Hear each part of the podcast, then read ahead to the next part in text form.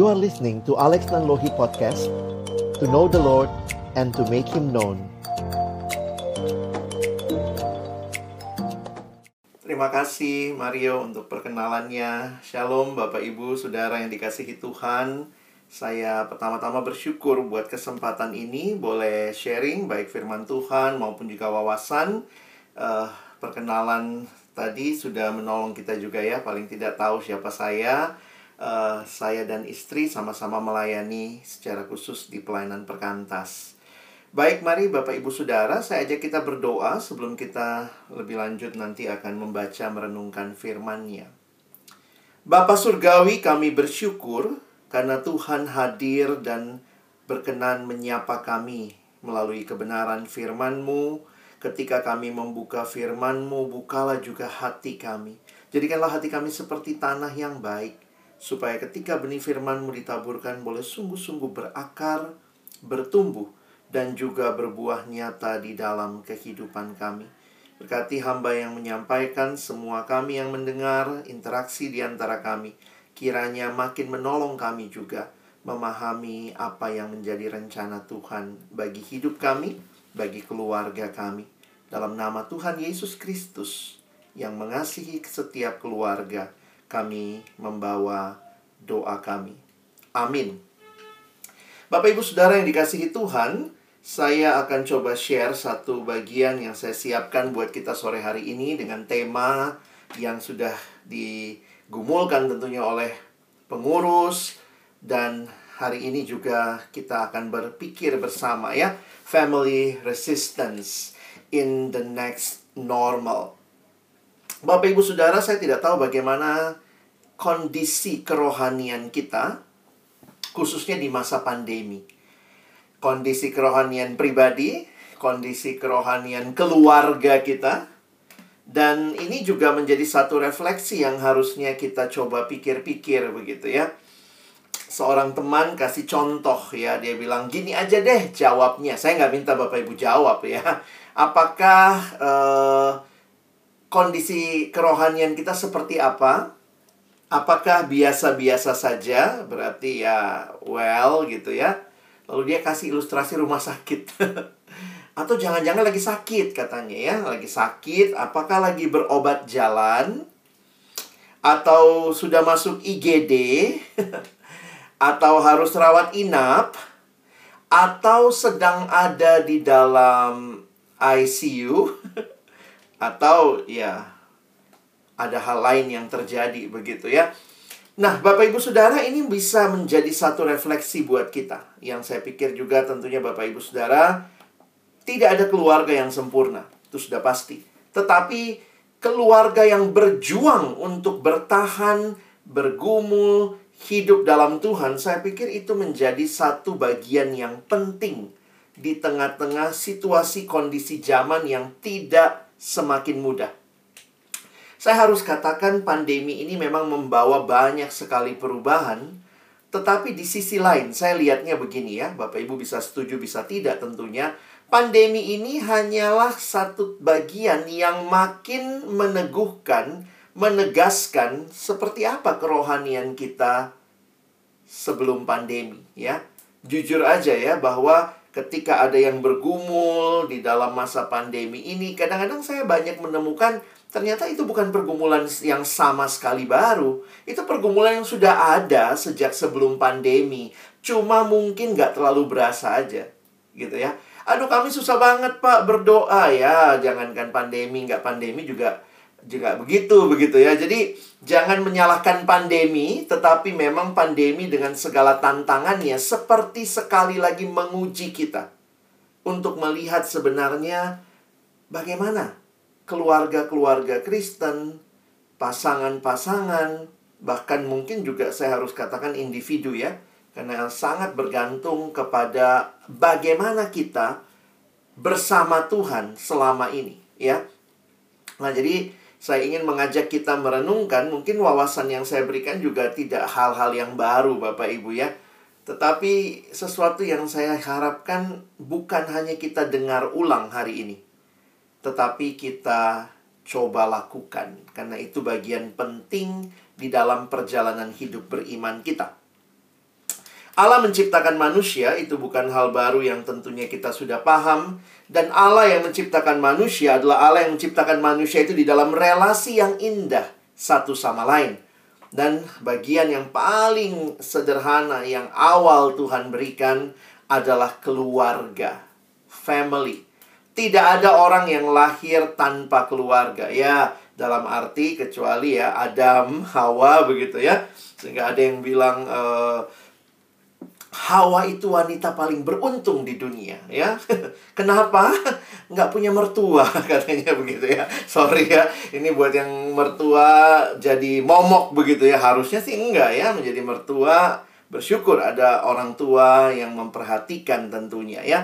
Nah, tetapi juga jangan lupa keluarga yang dicipta oleh Allah ini juga keluarga yang sudah jatuh ke dalam dosa.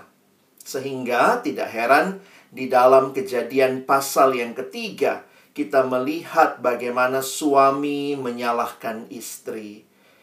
Anak di kejadian 4, seorang koko tega bunuh dedeknya sendiri begitu ya. Jadi gambaran keluarga di dalam dosa itulah gambaran juga yang paling kecil. Waktu bicara dosa lihatnya di mana? Ya lihatnya paling sederhana dan paling mudah lihat di keluarga ya seperti keluarga berikut gitu ya. Keluarganya Bart Simpson. Nah, kalau kita bayangkan, wow, seperti ini.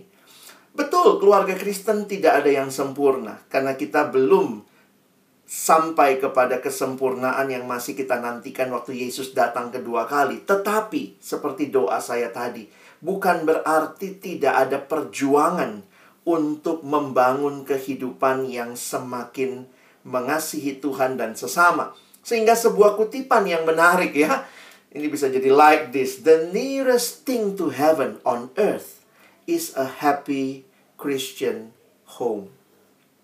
Bapak ibu saudara yang dikasihi Tuhan, saya coba menghayati begini ya. Tuhan itu berbicara banyak kepada kita di dalam bahasanya kita. Dan bahasa yang Tuhan pilih adalah bahasa keluarga. Bapak Ibu sadarkah itu?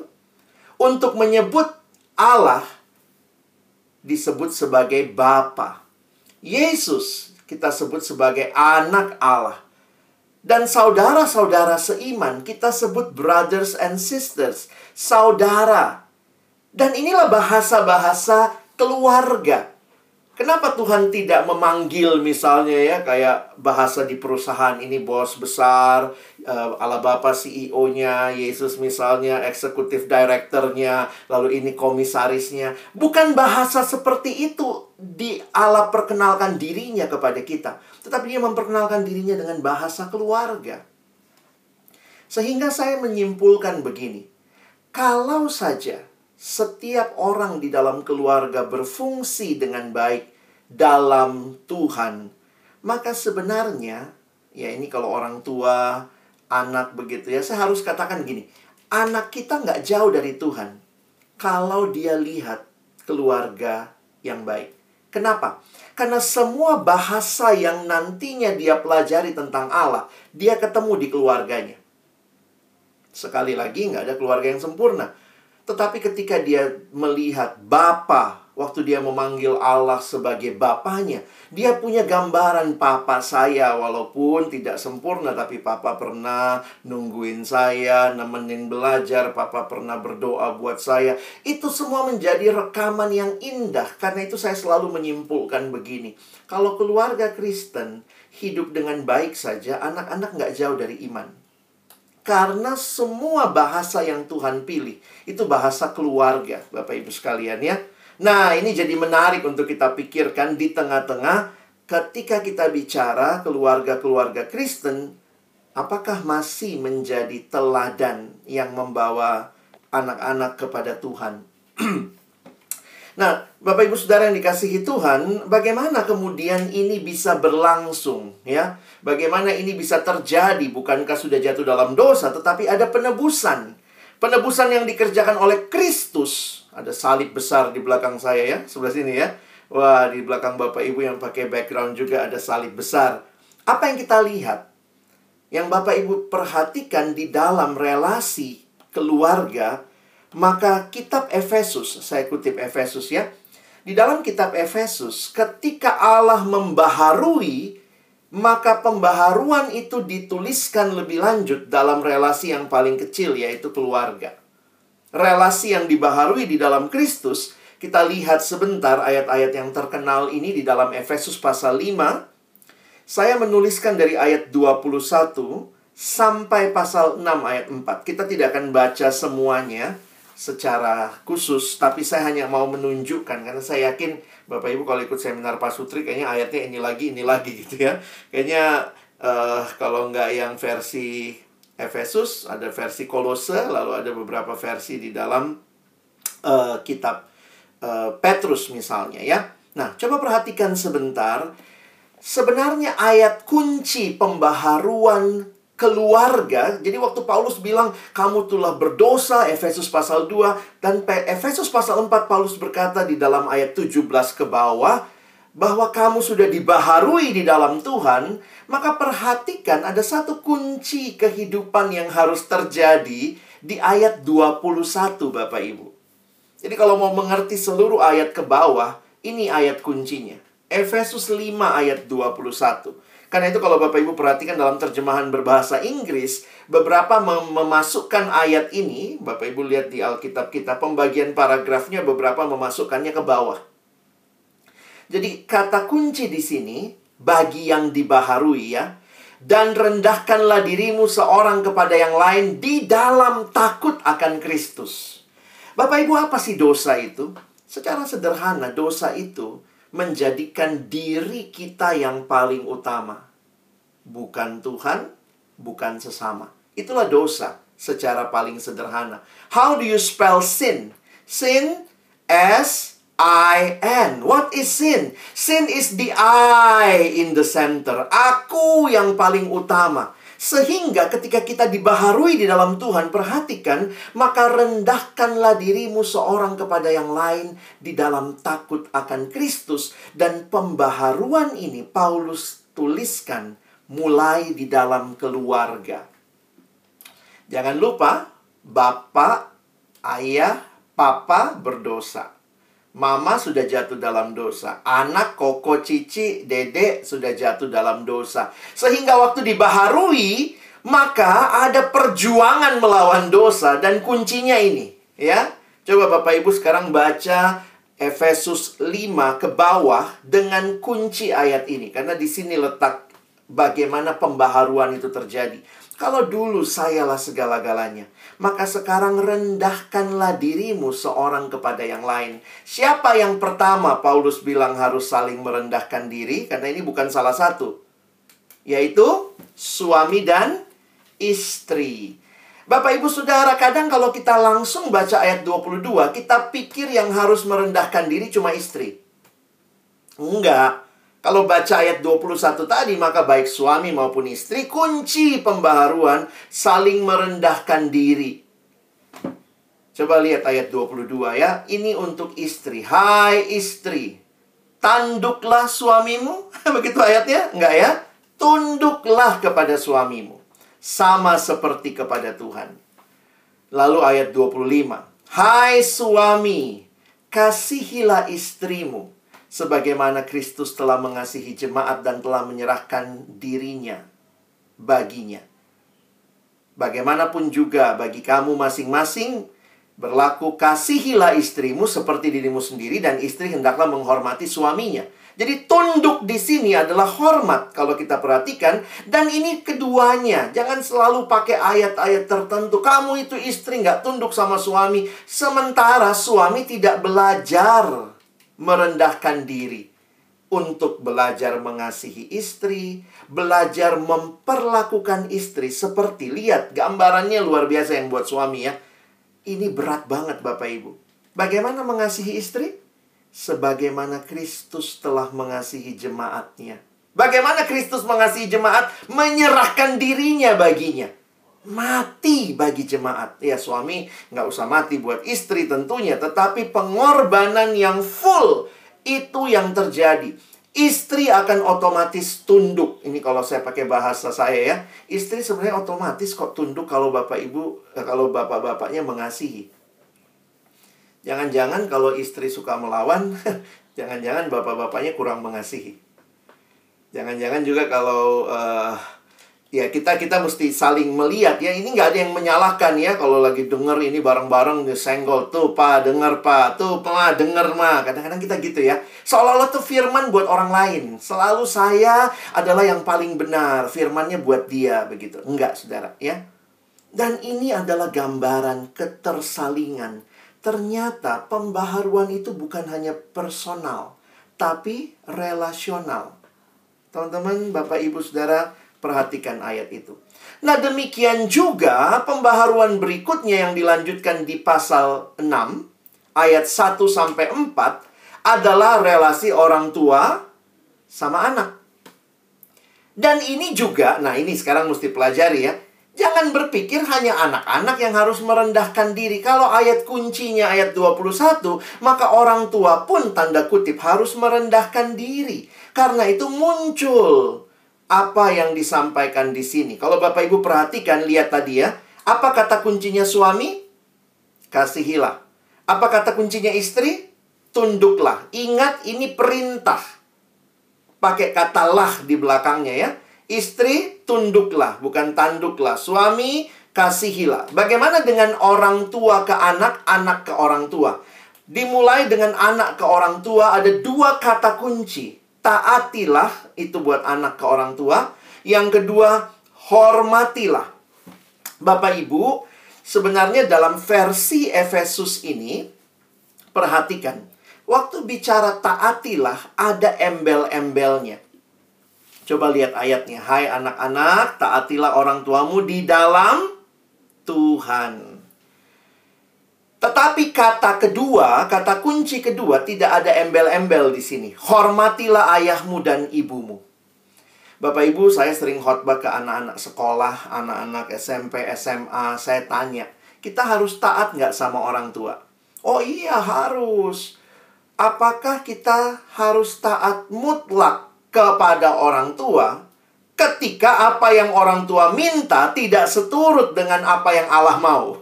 Jadi sebenarnya ada lapisan ketaatan. Karena ayatnya bicara taatilah orang tuamu di dalam Tuhan. Kalau orang tua meminta anak melakukan sesuatu tidak sesuai dengan kehendak Tuhan, anak boleh nggak taat? Boleh.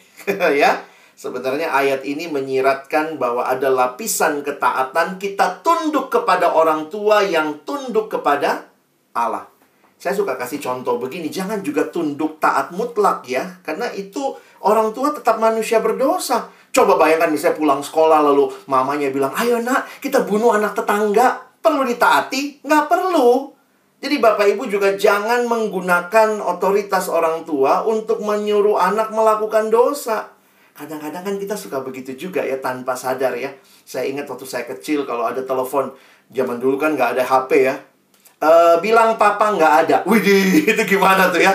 Jadi saya waktu makin ngerti ayat ini, saya waktu kenal Tuhan Yesus satu SMA, saya bergumul dengan ketaatan.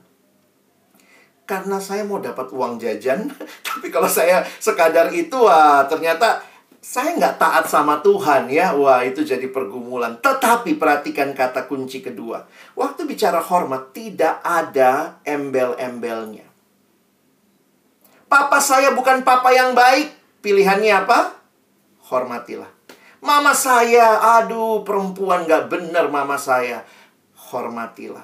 Orang tua saya nggak bertanggung jawab. Saya dititip ke rumah orang kenal nenek saya hormatilah. Dalam hal ketaatan ada pilihan, tapi dalam hal hormat harus hormat. Mungkin Bapak Ibu pikir apa hubungannya sama tema sore ini ya? Tapi poinnya gini, Bapak Ibu kalau ha apa hidupi hal ini aja, anak-anak ngeliat kok. Kalian minta hormati orang tua, tapi Bapak Ibu ke mertua gimana?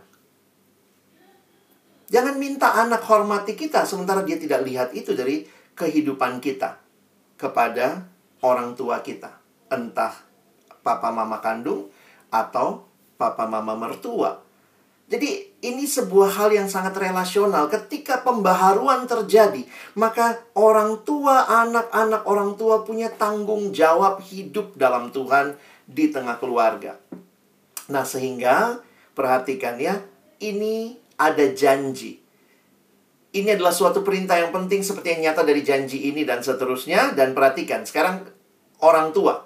Kenapa dipakai kata bapak-bapak? Karena ya bapak mewakili lah ya. Tapi sebenarnya di sini juga termasuk ibu ya. Jadi kalau saudara perhatikan ayat 4. Dan kamu bapak-bapak, dua frasa kunci ya. Janganlah bangkitkan amarah di dalam hati anak-anakmu. Wah, jangan cuma minta mereka tunduk, taat, hormat, tapi Bapak Ibu sebenarnya juga terus bangkitin amarah dalam hati anak-anakmu. Tetapi didiklah mereka dalam nasihat dan ajaran Tuhan. Jadi lihat dua frase kunci. Jangan bangkitkan amarah, tetapi didik mereka dalam ajaran dan nasihat Tuhan. Ini tanggung jawab besar yang Tuhan percayakan bagi Bapak Ibu Saudara. Perhatikan terjemahan yang lain supaya kita bisa makin paham ayat 4 ya. Saya pilihkan terjemahan bahasa Indonesia sehari-hari. Saudara-saudara yang menjadi ayah, janganlah memperlakukan anak-anakmu sedemikian rupa sehingga mereka menjadi marah. Nah, sebaliknya, besarkanlah mereka dengan tata tertib dan pengajaran Tuhan.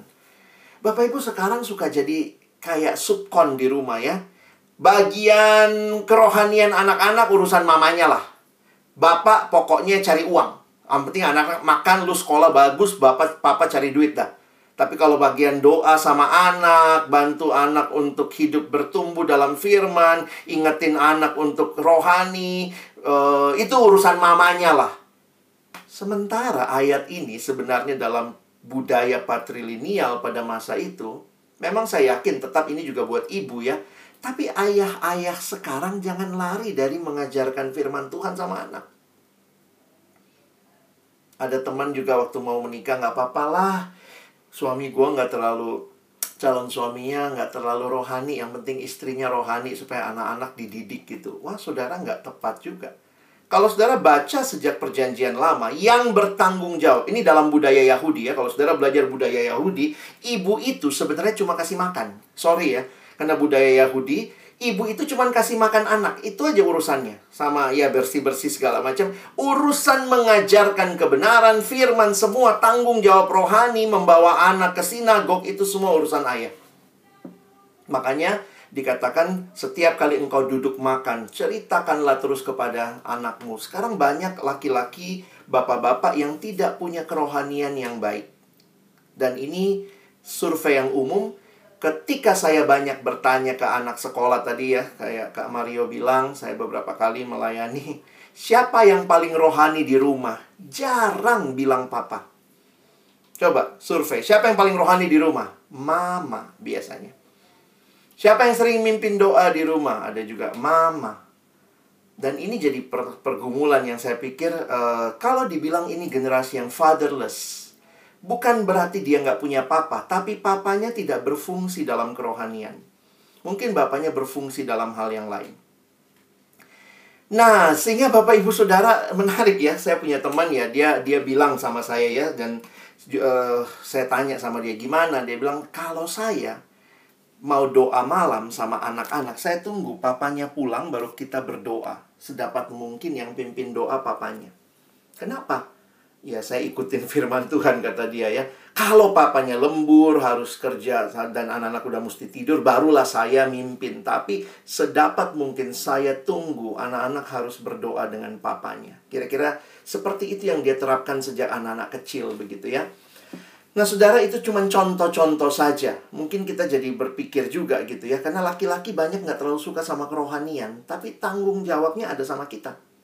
Itu jangan lupa kalau ikut acara begini juga banyakkan ibunya kali ya. Maaf ya, nggak tahu juga bapaknya. Mudah-mudahan ada juga di samping ya, walaupun nama zoomnya nama mamanya doang ya.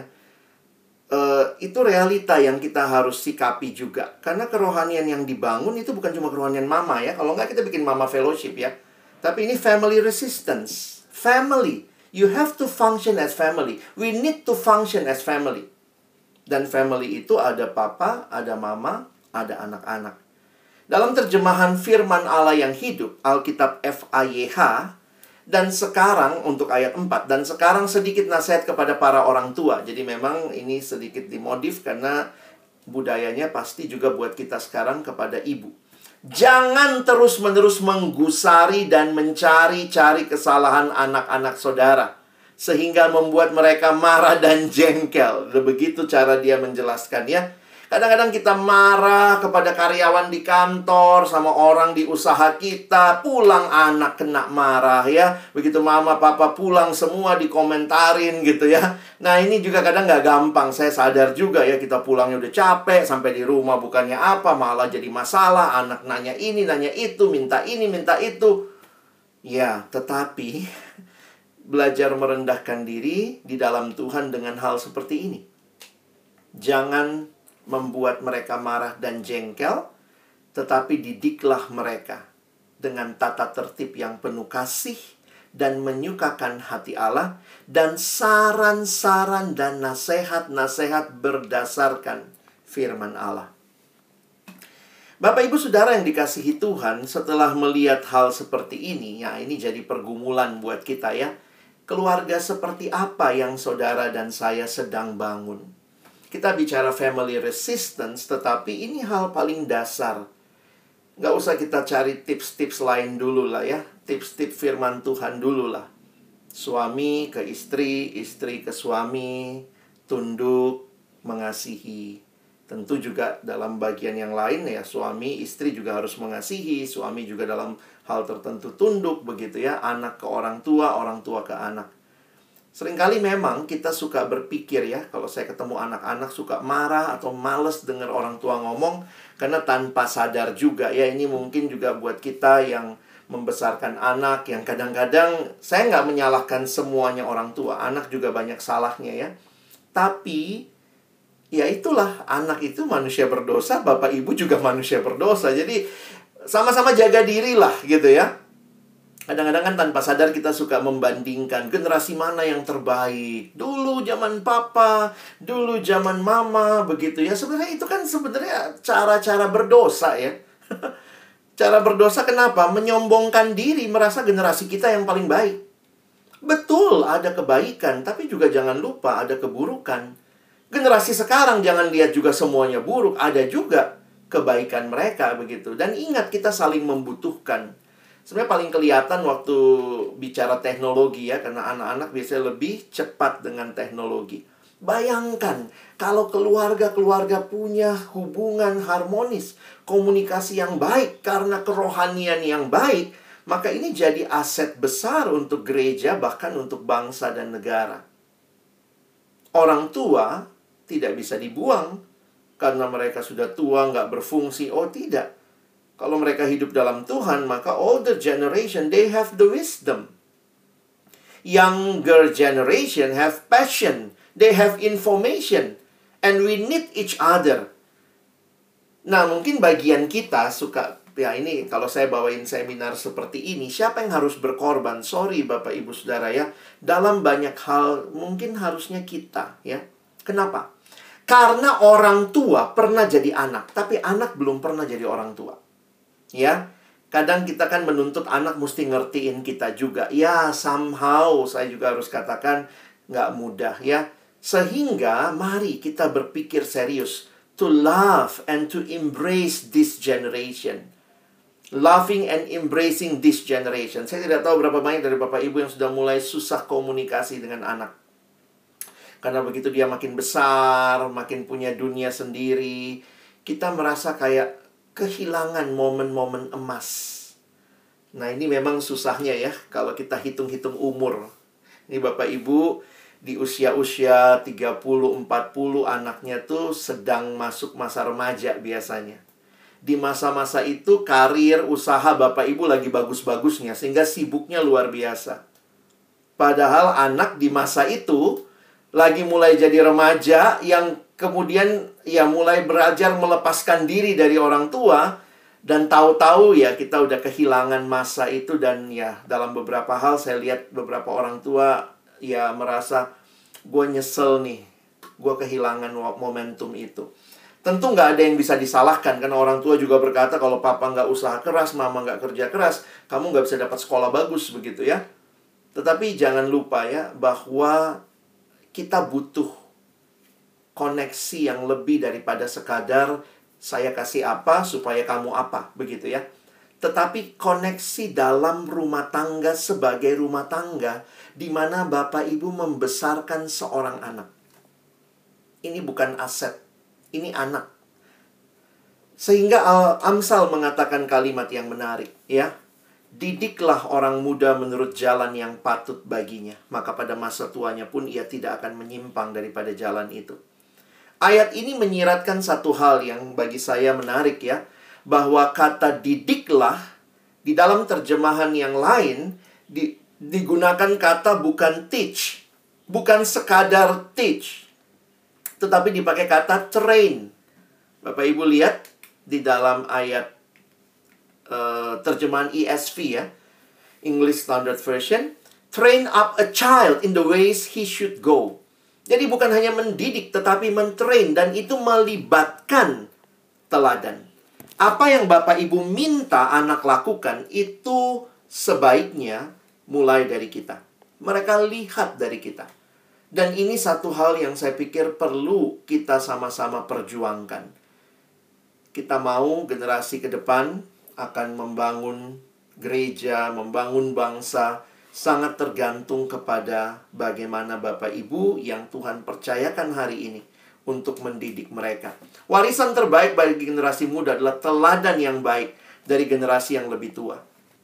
Nah, sehingga kalau kita bicara ini ya, sekarang saya mau sedikit masuk lebih dalam kepada apa yang kita persoalkan sore ini. Kalau kita bicara kerohanian, Bagaimana kerohanian keluarga bisa bertahan melewati situasi yang sulit ini? Pertanyaannya, apakah memang itu terlihat dalam keseharian Bapak Ibu, bukan cuma karena pandemi? Seberapa penting kerohanian bagi hidup saudara, bagi hidup keluarga saudara? Saya pikir memang tidak mudah menjawab ini. Dan saya pun nggak cari kambing hitam siapa yang benar, siapa yang salah gitu ya. Karena selalu ada banyak faktor terlibat kalau kita bicara hal seperti ini. Tapi ada satu kutipan yang menggelitik saya sampai saya screenshot saya masukkan hari ini. Kita hidup di zaman di mana baterai lemah lebih bermasalah daripada iman yang lemah. Betul juga ya. Jadi saya nggak tahu nih ya. Uh, apa yang Bapak Ibu sedang perjuangkan di keluarga? Beli HP yang nggak bisa mati gitu ya. Karena kayaknya pengen gitu ya HP yang nggak usah di-charge ya. Terus nyala gitu ya. Atau kita berpikir serius dengan iman yang lemah. Iman anak-anak kita. Iman pasangan kita.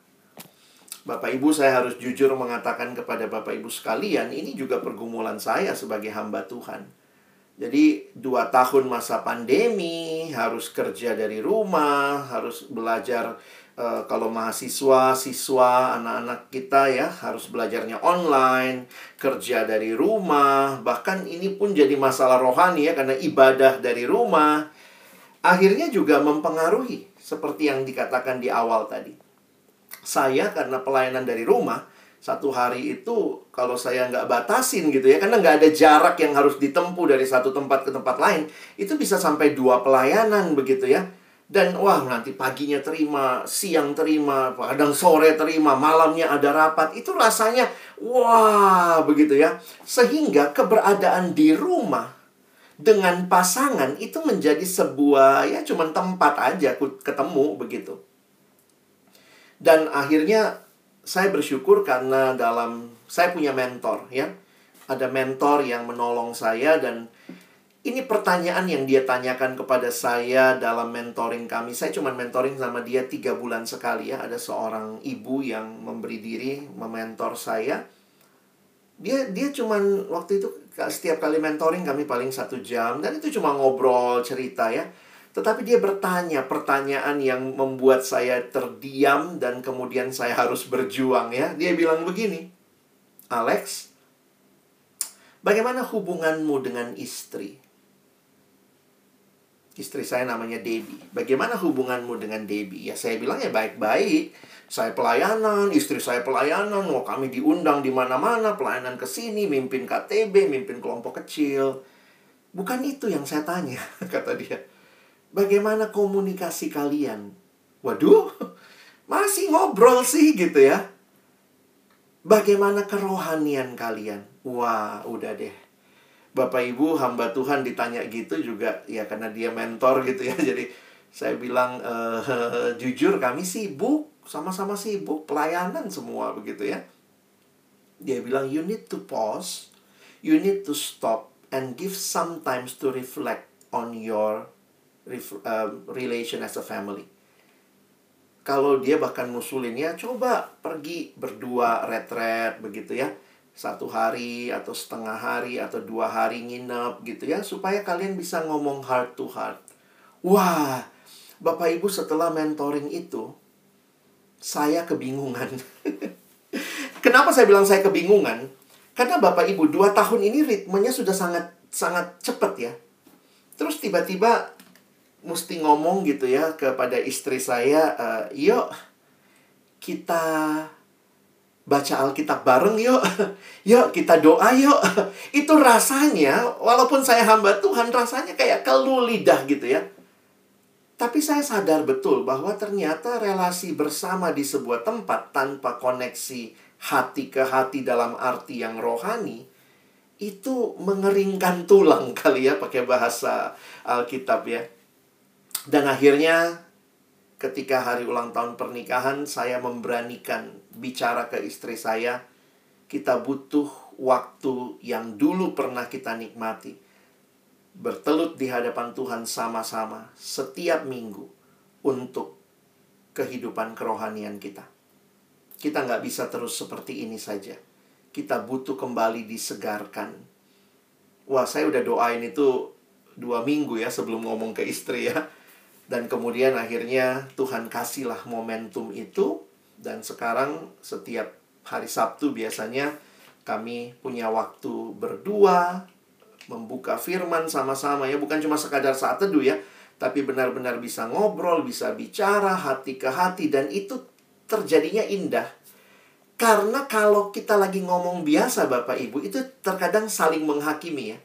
Tapi karena ada firman Tuhan yang kita baca, kita renungkan, kita refleksikan, masing-masing melihat diri di dalam firman. Sehingga ya saya waktu merenungkan, merefleksikan pengalaman ini, saya bicara sama istri saya. Banyak teman-teman kita yang dulu waktu di pengurus, di remaja, di pemuda, di persekutuan kampus, kayaknya rohani segala macam. Dan dari dulu kita sudah bilang, kerohanian itu kunci keharmonisan keluarga. Kerohanian itu kunci kehidupan yang bertumbuh, kunci kehidupan yang bahagia. Tapi masih benar-benar kita lakukan nggak ya? Wah, sejak kita mikir itu, kemudian kami berdoa sama-sama dan ya kita mulai coba share ya kepada teman-teman, kepada teman-teman yang punya keluarga. Mulai saja, lakukanlah. Jadi apa yang Bapak Ibu sudah dengar selama ini gitu ya, coba mulai lakukan. Coba mulai berlutut sama-sama bangun family altar yang aduh Pak, kayaknya tiba-tiba jadi rohani, kayaknya awkward banget nih. Saya juga ngerasanya gitu Bapak Ibu ya. Tetapi Bukankah itu yang kita khotbahkan? Bukankah itu yang pernah kita jalani dulu waktu mungkin jadi pengurus di pemuda remaja? Dan itu bukan bukan teori. Hati-hati ketika kita mulai bicaranya, cuman sekadar lu tanam, lu pakai saham apa kemarin? Gila turun tuh saham. Ngapain lu mandi itu? Suami nyalain istri. Jadi kalau pulang tuh yang diobrolin cuman sekadar ya itu butuh ya buat hidup eh gimana tuh uang sekolahnya si anak gitu ya itu gimana? Kamu cariin apa? Lesnya les yang bagus ya apa? Suami dan istri komunikasinya apakah masih ada hal-hal rohani yang kita bilang inilah kekuatan keluarga bapak ibu? Makanya hari ini mungkin PR terberat bukanlah dengar firmannya kan udah tahu ya bapak ibu ya. Saya juga juga udah tahu saya bahkan udah khotbah ke mana-mana. Tapi kemudian mengatakan Tuhan engkaulah segalanya. Aku mau bangun keluargaku di dalam relasi yang indah denganmu wah saya ulang tahun pernikahan ke-11 baru ya Bapak Ibu ya dan kami memang belum diberikan keturunan tapi saya juga merasa begitu ya yang melayani aja bisa begitu kering ketika tidak ada relasi yang indah dengan Tuhan dan sesama. Dan itu bukan teori ya. Mari kita coba lakukan. Satu hal yang menarik ya, ini bagian-bagian penutup yang saya mau sharingkan. Ada kutipan ini, Christianity isn't a religion. Isn't just a religion. It's a relationship with God through Jesus Christ. Ini saya renungkan lama Bapak Ibu ya. Kenapa? Kadang-kadang saya pikir saya udah ke gereja, saya udah ibadah, saya udah bicara, saya udah baca Alkitab, tetapi relasi itu ada nggak? Nah, ini juga dengan pasangan kita, dengan anak-anak kita. Sehingga juga banyak kok yang udah bikin family altar, tapi nggak ada koneksi, nggak ada relasi ya. Nah ini yang kita perlu coba. Saya nggak punya tips tertentu, tapi ya bagi saya Tuhan pun Tuhan yang merindukan relasi dengan kita. Ingat ya, manusia ini kita ciptaan Allah. Allah ciptakan kita seturut dengan gambarnya, created us in his own image. Dan kemudian ingat, Tuhan mau relasi yang personal dengan setiap kita. Saya kutip kalimat Bapak Nicky Gamble dalam sebuah buku dia bilang begini, pria dan wanita diciptakan untuk hidup dalam hubungan dengan Allah. Tanpa hubungan tersebut akan selalu ada rasa lapar, sebuah kekosongan dan sebuah perasaan yang hilang. Jadi saya berpikir ya, kalau saya diciptakan dalam relasi dengan Allah, istri saya diciptakan dalam relasi dengan Allah, maka sebenarnya ketika kami bersama-sama terus membangun relasi dengan Allah, Bapak Ibu lihat tangan saya ya, kalau saya makin dekat sama Tuhan, istri saya makin dekat sama Tuhan, kita sama-sama makin dekat sama Tuhan. Bukan sama Tuhannya aja yang kita dekat, tapi kita pun makin dekat satu sama satu sama lain. Tidak ada suatu pun hubungan manusia yang dapat memuaskan, termasuk dengan pasangan kita ya. Atau yang dapat terus bertahan. Nggak ada hubungan yang terus-menerus ya. Suami bisa meninggal, istri bisa meninggal, anak bisa pergi. Jadi poinnya adalah kalau demikian, kita selalu cari hubungan yang memuaskan, hubungan yang dapat terus bertahan, sementara dunia selalu akan ada yang hilang. Itu hanya menunjukkan Bapak, Ibu, Saudara dan saya diciptakan dalam relasi dengan dengan Allah, ya.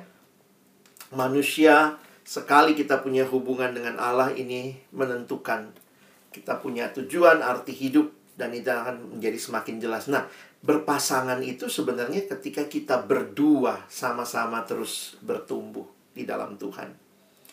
Sebagai bagian penutup yang saya mau sampaikan kepada kita, ini juga bukan hal baru tentunya bagi Bapak Ibu Saudara sekalian. Bagaimana kita punya komitmen yang dalam sebagai pribadi, sebagai keluarga untuk terus bertumbuh. Mari miliki komitmen untuk terus bertumbuh. Bagaimana bertumbuh itu? Sederhana, saudara ya. Kalau pendeta John Stott bilang tiga hal ya, Tuhan sudah kasih kepada kita tiga hal. Pertama, Tuhan kasih dirinya, pribadi Allah Roh Kudus. Yang kedua, Tuhan kasih relasi melalui firman. Kita baca firman, Tuhan bicara sama kita. Kita bicara sama Tuhan namanya doa. Dan juga Tuhan kasih komunitas. Bagaimana Bapak Ibu bisa terus bertahan? Maka tiga hal ini alamilah kehadiran Roh Kudus yang membimbing kita. Milikilah hidup yang dekat dengan Tuhan dalam firman-Nya. Firman Tuhan ini pelita bagi kaki kita ya, terang bagi jalan kita. Coba hayati, berarti kan Tuhan sudah tahu duniamu gelap nih. Firman ini pelita bagi kakimu, terang bagi jalanmu. Gimana anak saya ke depan? Aduh, dia akan studi ke luar negeri. Maka yang kita titipkan bukan deposit garansi. Uang besar. Pokoknya kalau ada apa-apa tinggal bilang. Asuransi papa mama udah bayar semua. Tapi apakah dia membawa firman Tuhan dalam hidupnya? Kita nggak bisa terus bersama anak kita. Yang bisa terus sama mereka Tuhan. Maka titipkanlah hal yang penting. The Bible will keep you from sin or sin will keep you from the Bible. Dan Tuhan kasih komunitas ya. Bapak Ibu di gereja ada komunitas seperti ini ya. Ya ini komunitas yang tidak ada yang sempurna keluarganya gitu ya. Tapi kita adalah keluarga-keluarga yang mau bertumbuh. Maka ya mari kita share satu sama lain. Beberapa refleksi saya berkaitan dengan hal ini adalah mari kita coba bangun lagi ya. Disiplin rohani yang mentransformasi hidup kita. Uh, kekristenan tidak pakai kata kewajiban rohani. Agama tertentu kan bilangnya kewajiban. Kalau nggak dilakukan, mau parah banget ya. Kekristenan menggunakan kata disiplin. Disiplin itu begini ya. Disiplin itu sebenarnya kesadarannya lahir dari dalam. Harusnya melalui disiplin rohani kan baca Alkitab, bersaat teduh, kita tuh semakin mengasihi Allah. Jadi jangan jadikan hal-hal itu sebagai hal yang menekan kita. Itu pelan-pelan harus menjadi hal yang menyegarkan kita. Dan karena itu perlu ya quality time. Saya nggak tahu nih sudah sudah siapin quality time sama keluarga nggak ya? Mau libur nih anak-anak ya? Apa quality time-nya? Bali, uh, Singapura gitu atau Eropa gitu. Tapi apakah ada quality time untuk family altar? Mungkin kalau Bapak Ibu merasa, aduh kayaknya susah Pak, kami tuh keluarganya nggak rohani. Ya coba aja, mulai aja. Nggak usah seminggu sekali, kalau perlu sebulan sekali dulu gitu ya. Tapi membiasakan bahwa ada suasana rohani yang dibutuhkan. Dan ini di, dimulai dari kesadaran. Kami membutuhkan Tuhan. Tadi lagu tadi bagus banget waktu dinyanyiin ya As for me and my family, we will serve the Lord, we will... Tapi kita ngalamin nggak? Dan itu bagi saya tantangannya challenge. Jujur, dua minggu saya berdoa karena nggak mudah. Bahkan ngajak istri saya yang hamba Tuhan begitu ya. Jangan-jangan kalau kita kita nggak mulai ya kita tetap aja seperti itu. Apa perbedaannya antara sisa dan sisi? Jadi kalau Bapak Ibu bicara sisa, sisa itu ya kalau ada makanan, kita makan, makan, makan, makan, terus udah kenyang. Eh, eh itu ada dikit namanya sisa. Kalau sisi, sebelum makan dipinggirin dulu. Ah, itu disisihin namanya ya. Mana lebih terhormat, dikasih makanan sisa atau sisi? ya tentu yang sisih ya. Nah sekarang dalam hal yang sama kira-kira.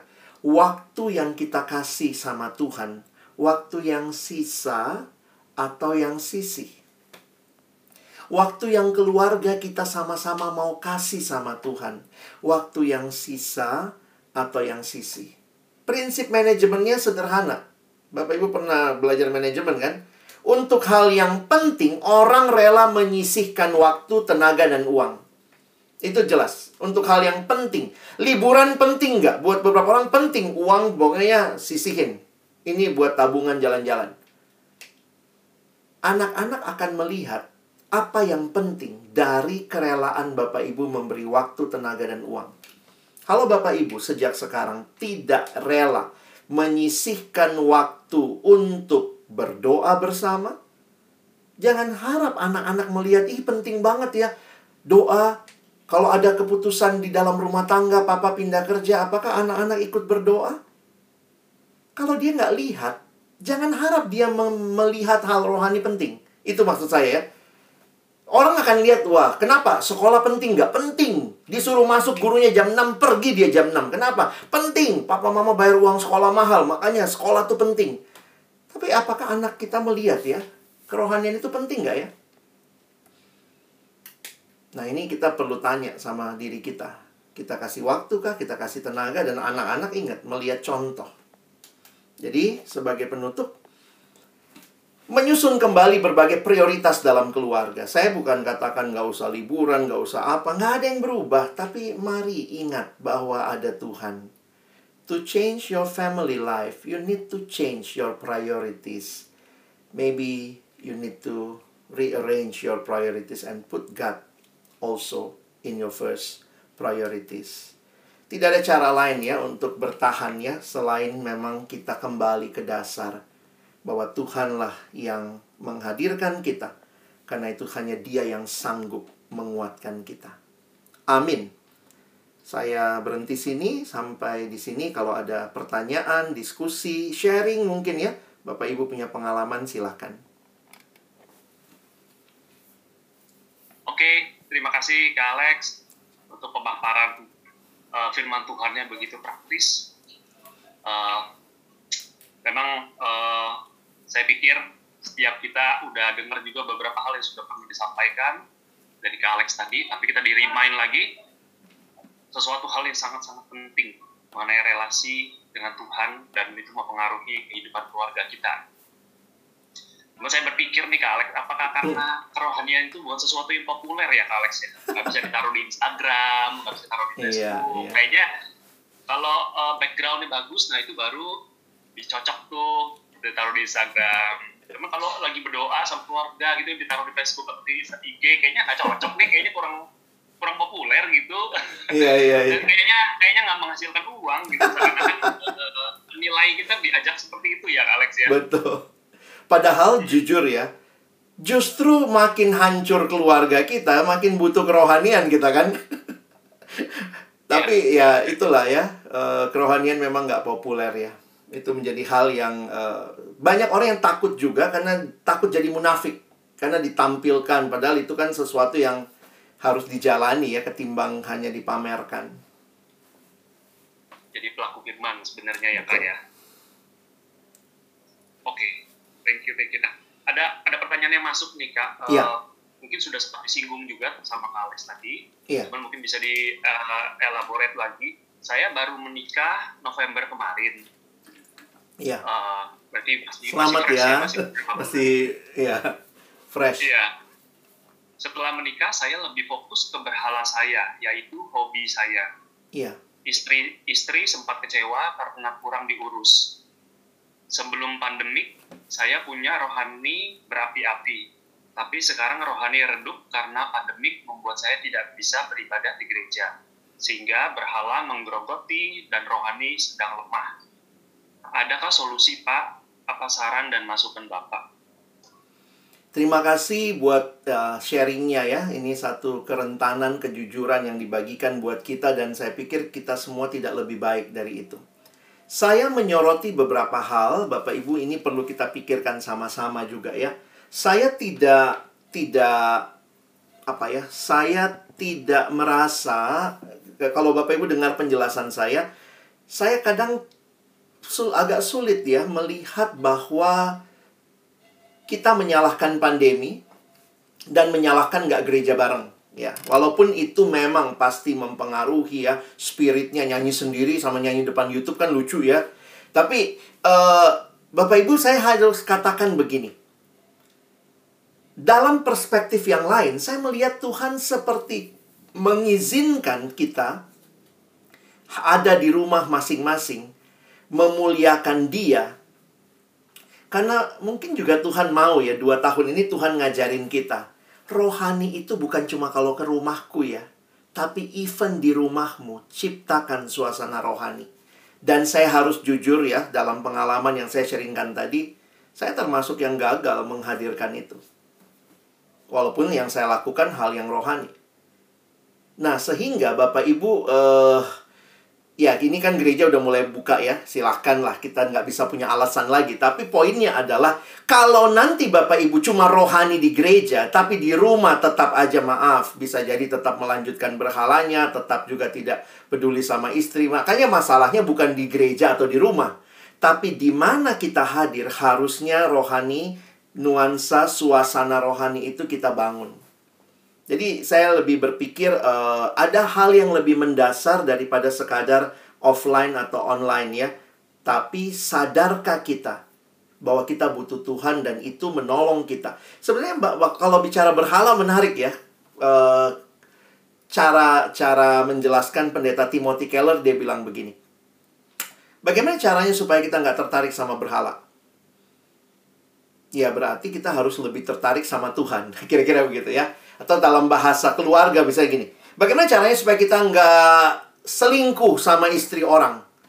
Ya, saudara harus mencintai istrimu lebih lagi, lebih lagi, lebih lagi sampai istri orang pudar. Ya, karena saudara sangat mencintai istri saudara. Tetapi kalau saudara sangat mencintai istri orang, tiap bangun pagi lihat fotonya, merenungkan istri orang, jangan heran Tuhan uh, istri saudara pudar, istri orang bersinar begitu ya.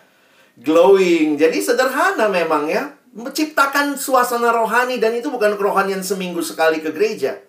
Tapi kerohanian setiap hari. I love you Lord. Waktu kita baca firman, waktu kita berdoa, itu adalah untuk kita membangun kerohanian. Ya, sehingga kalau nanti sekarang kita udah bisa ke gereja on-site pun, saudara nggak akan merasa uh, ya apa ini ini itu uh, istilahnya gini. Kalau sudah on-site pun ya saudara harusnya lebih lagi gitu karena sebenarnya di rumah pun saudara harusnya setiap hari makin mencintai Tuhan. Mungkin itu dulu. thank you kak. Oke, buat teman-teman yang lain kalau misalnya mau langsung bertanya, boleh silakan ya, boleh raise hand atau ketik pertanyaannya ke question and answer, ke admin question and answer ya. Oke, um, mengenai family resistance nih ada pertanyaan. Iya. Gimana mendampingi, ah ini berkaitan orang tua sama anak-anak nih, bagaimana Hmm. mendampingi anak-anak remaja dalam masa transisi new normal, kadang-kadang ya karena sering sering eh, eh, jarang-jarang keluar gitu ya, jadi uh, ada isu tidak percaya diri, malu karena jarang bersosialisasi gitu. Kira-kira gimana tuh kak? Em, kita belum ada yang ahli-ahli banget dalam new normal ya karena ini kan semua pengalaman pertama ya atau ada yang udah pandemi sebelumnya? Saya hidup 200 tahun lalu misalnya gitu ya nggak ya? Karena itu saya pikir cobalah Bapak Ibu lihatlah beberapa tips and trick yang dilakukan. Tetapi secara rohani saya pikir ke gereja bersama itu bisa membalikkan anak untuk keluar dari comfort zone Beberapa pembimbing remaja sudah kontak saya dan bilang, aduh Kak Alex, susah banget ngajak anak remaja kembali ke gereja. Karena udah kebiasaan, udah udah milih di rumah gitu ya. Bisa pakai celana pendek, bisa sambil rebahan, bisa apa. Nah, itu ya kita tidak bisa tutup mata. Kemungkinan itu pasti terjadi Eh, tetapi ketika orang tua ya mengingatkan lagi kita mau ke gereja hadap Tuhan bareng-bareng ya maka kita sama-sama dress up yang baik dalam suasana jamnya pas khotbahnya nggak bisa di skip ya kan? Kadang-kadang kalau rekaman kita bisa skip ya. Aduh males nih denger dia khotbah langsung lah berkat eh, yang penting gue transfer persembahan gitu ya. Nah membalikkan jadi kita bisa membalikkan dari hal-hal yang sederhana Nah, kalau dalam kerohanian, saya pikir membalikkan dengan ke gereja bersama, orang tua masuk umum, anak ke remaja kalau sudah buka, atau bisa juga, nah beberapa sekolah sudah onsite sih ya. Nah, terus kemudian kalau Bapak Ibu juga punya kebiasaan yang baik, tentu dengan prokes yang ketat, maka cobalah ya, bawa anak keluar dari, eh, sebenarnya concern saya bukan hanya pas pandemi ya, eh anak-anak kita tanpa sadar ya memang makin itulah manusia berdosa ya selalu hidup bagi dirinya yang perlu Bapak Ibu tolong adalah bagaimana anak sejak awal belajar hidup bagi orang lain belajar hidup bagi Tuhan bagi sesama dan itu perlu dididik mau online nggak online sebenarnya itu perlu dididik Bagaimana caranya? Saya pikir ada beberapa teman ya punya cara yang saya pikir ya baik juga. Setiap kali anaknya ulang tahun, maka eh, anaknya justru yang akan memilih ya. Dia suruh anaknya pilih apa yang kamu mau ngasih ke orang lain gitu ya. Jadi biasanya kan orang kalau ulang tahun biasanya saya mau apa gitu. Saya mau apa, maka dia didik anaknya kebalik. Belajar waktu dia ulang tahun dia harus berpikir apa yang dia, dia mau bagi. Karena kebiasaan teman saya ini sejak kecil anaknya itu kalau ulang tahun perayaannya di panti asuhan. Jadi tentu ya tetap ya dia juga bikin sama teman-temannya tapi anaknya dilatih untuk kalau ulang tahun jangan selalu berpikir saya dapat apa, tapi apa yang bisa saya kasih sama orang lain. Nah, jadi Bapak Ibu sebenarnya kalau kita membiasakan, maka pandemi ini juga anak juga bisa beberapa sekolah ya sekolah Kristen ya misalnya ada anak mendukung anak di Papua itu juga bagian ya. Tapi kan kadang-kadang tuh uang mamanya yang memang dikasih ini kasih buat beasiswa anak Papua atau anak di mana. Tapi mari belajar mungkin anak menyisihkan uangnya dari uang yang dia dapat dari orang tua lalu dia sisihkan. Dia rasa tuh ngasih itu tuh berat tapi Tuhan mau misalnya Nah, jadi saya pikir uh, menarik ya tadi pertanyaannya mengembalikan anak tapi jangan lupa ya kita perlu lebih mendasar mengembalikan mereka untuk jadi orang yang hidup bagi Allah dan sesama.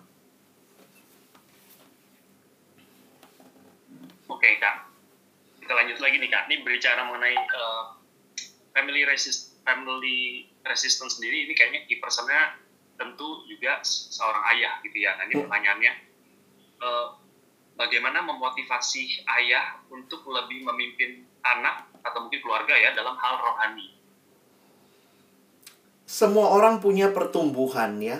Dan saya pikir pertumbuhan itulah yang harus ditolong baik kadang kadang-kadang kalau istrinya lebih rohani, ini kalau yang nanya istri lebih rohani, maka sebenarnya istri bisa membackup suami yang yang mungkin bukannya nggak rohani tapi sedang belajar di dalam kerohanian atau mau terus bertumbuh. Jadi ya kita bagi peran lah ya. Nanti aku doa pembukaan ya, kamu yang doa tutup misalnya atau nanti pas anak-anak mau tidur kamu baca Alkitabnya walaupun mungkin cuma baca satu ayat bapaknya. Jadi terlihat begitu bahwa ada keber kebersamaan. Sehingga juga uh, gereja punya banyak pembinaan ya. Saya pikir juga mari kita beri waktu ya. Mana yang paling pas bisa diikuti oleh ayah supaya kerohaniannya bertumbuh? Ya itu beberapa gereja memang kan komisi prianya bubar ya. Atau bahkan nggak ada. Ya, GKY termasuk yang nggak ada kalau nggak salah ya. Entah dulu pernah ada lalu bubar. Yang ada tuh komisi wanita. Kayak wanita tuh penting banget diperhatiin kerohaniannya karena inilah tulang punggung keluarga ya tulang kerohanian. Tapi jangan sampai juga kita mengabaikan. Jadi mari bangun sama-sama ya kalau ada liturgi-liturgi bersama dalam ibadah-ibadah keluarga, bagi tuh peran ayah, ibu ya. Kadang-kadang kita bisa mulai dari hal-hal seperti itu. Iya ya kak, kalau yang komisi pria kayaknya jarang banget ya. Kapan terakhir ada komisi pria kalian mesti cek kapan terakhir GKY punya komisi pria ya. Tapi dulu setahu saya kayaknya ada. Karena gereja Kristus pada umumnya ada komisi pria. Sebelum pisah dengan GKY komisi pria, tapi memang gitu ya di beberapa komisi pria di gereja lain juga ya ampun hidup segan mati tak mau. 4L ya, lu lagi lu lagi. Iya, iya, iya. Majelis itu persekutuan majelis kedua yang prianya. Oke, oke. Well, kas bener nih pria nih ya. Oke. Teman-teman yang lain silakan kalau mau langsung bertanya atau ada pergumulan atau mungkin pergumulan dari orang-orang yang kita kenal yang mau kita tanyain silakan.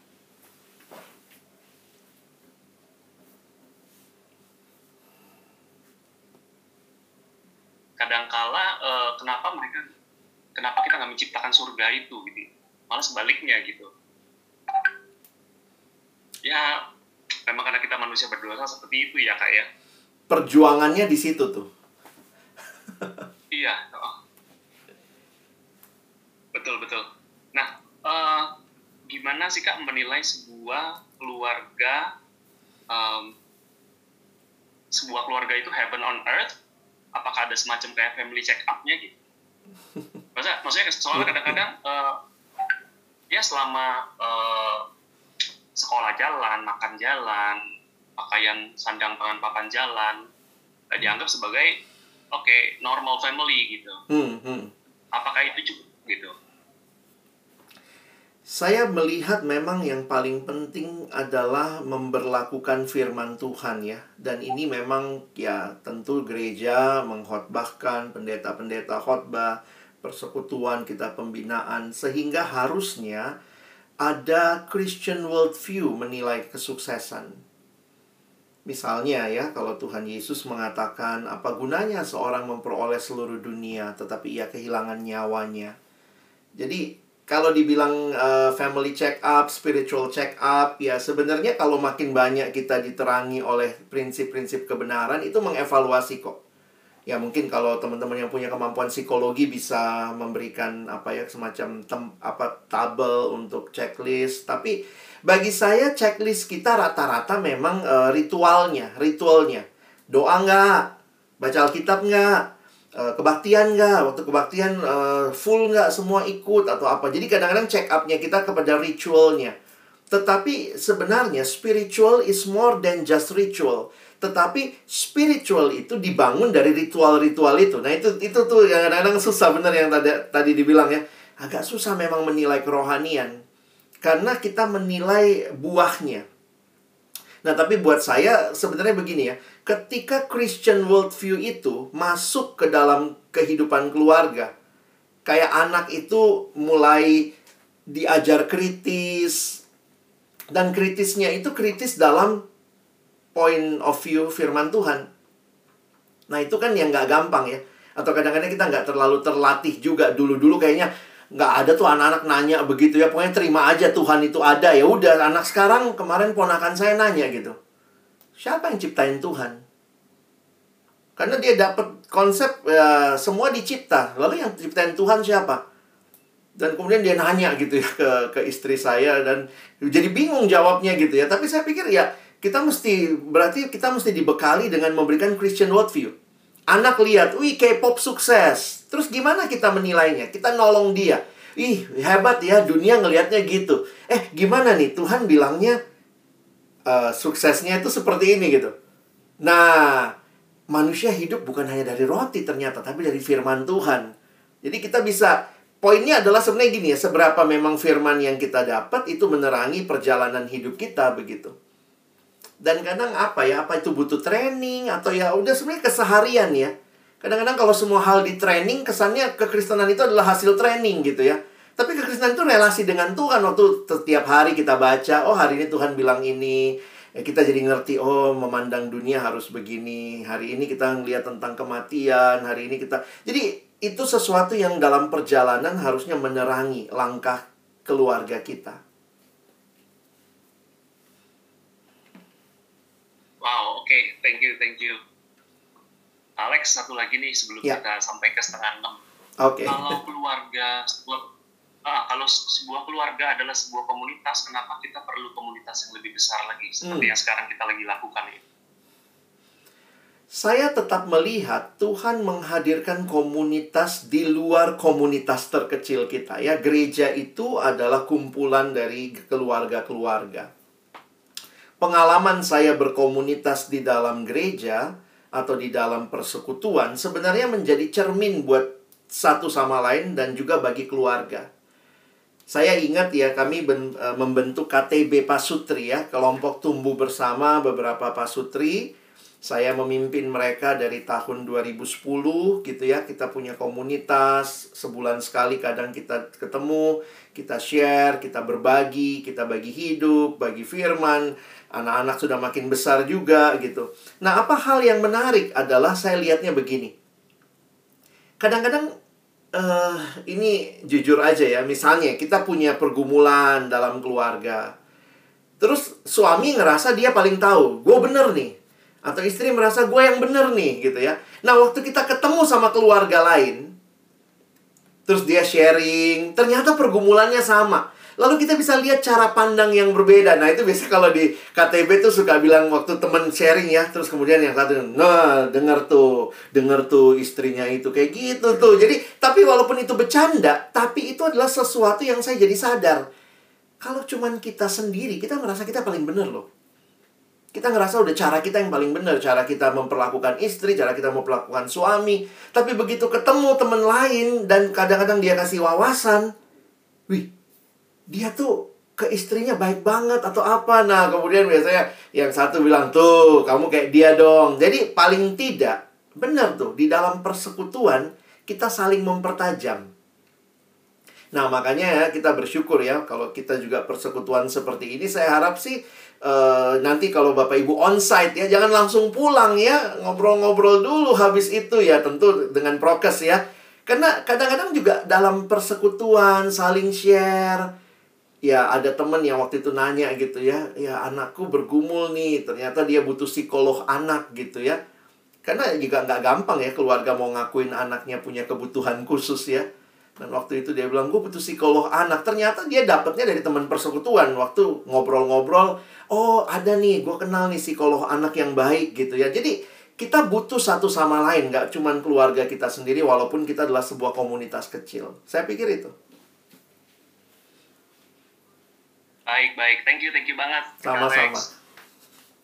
Tetesan air itu adalah hell atau uh, neraka, ya seriaknya juga akan berimbas gitu ya. Dan begitu juga sebaliknya. Itu, itu menjadi titik tetesan air itu adalah heaven, itu riak yang keluar juga menjadi berkat gitu buat yang lain. Nah, saya pikir uh, ya kita mengucap syukur untuk kesempatan kita boleh ketemu walaupun masih online seperti yang tadi disampaikan oleh rekan Helena Juli kita rencananya mau uh, onsite ya, kan?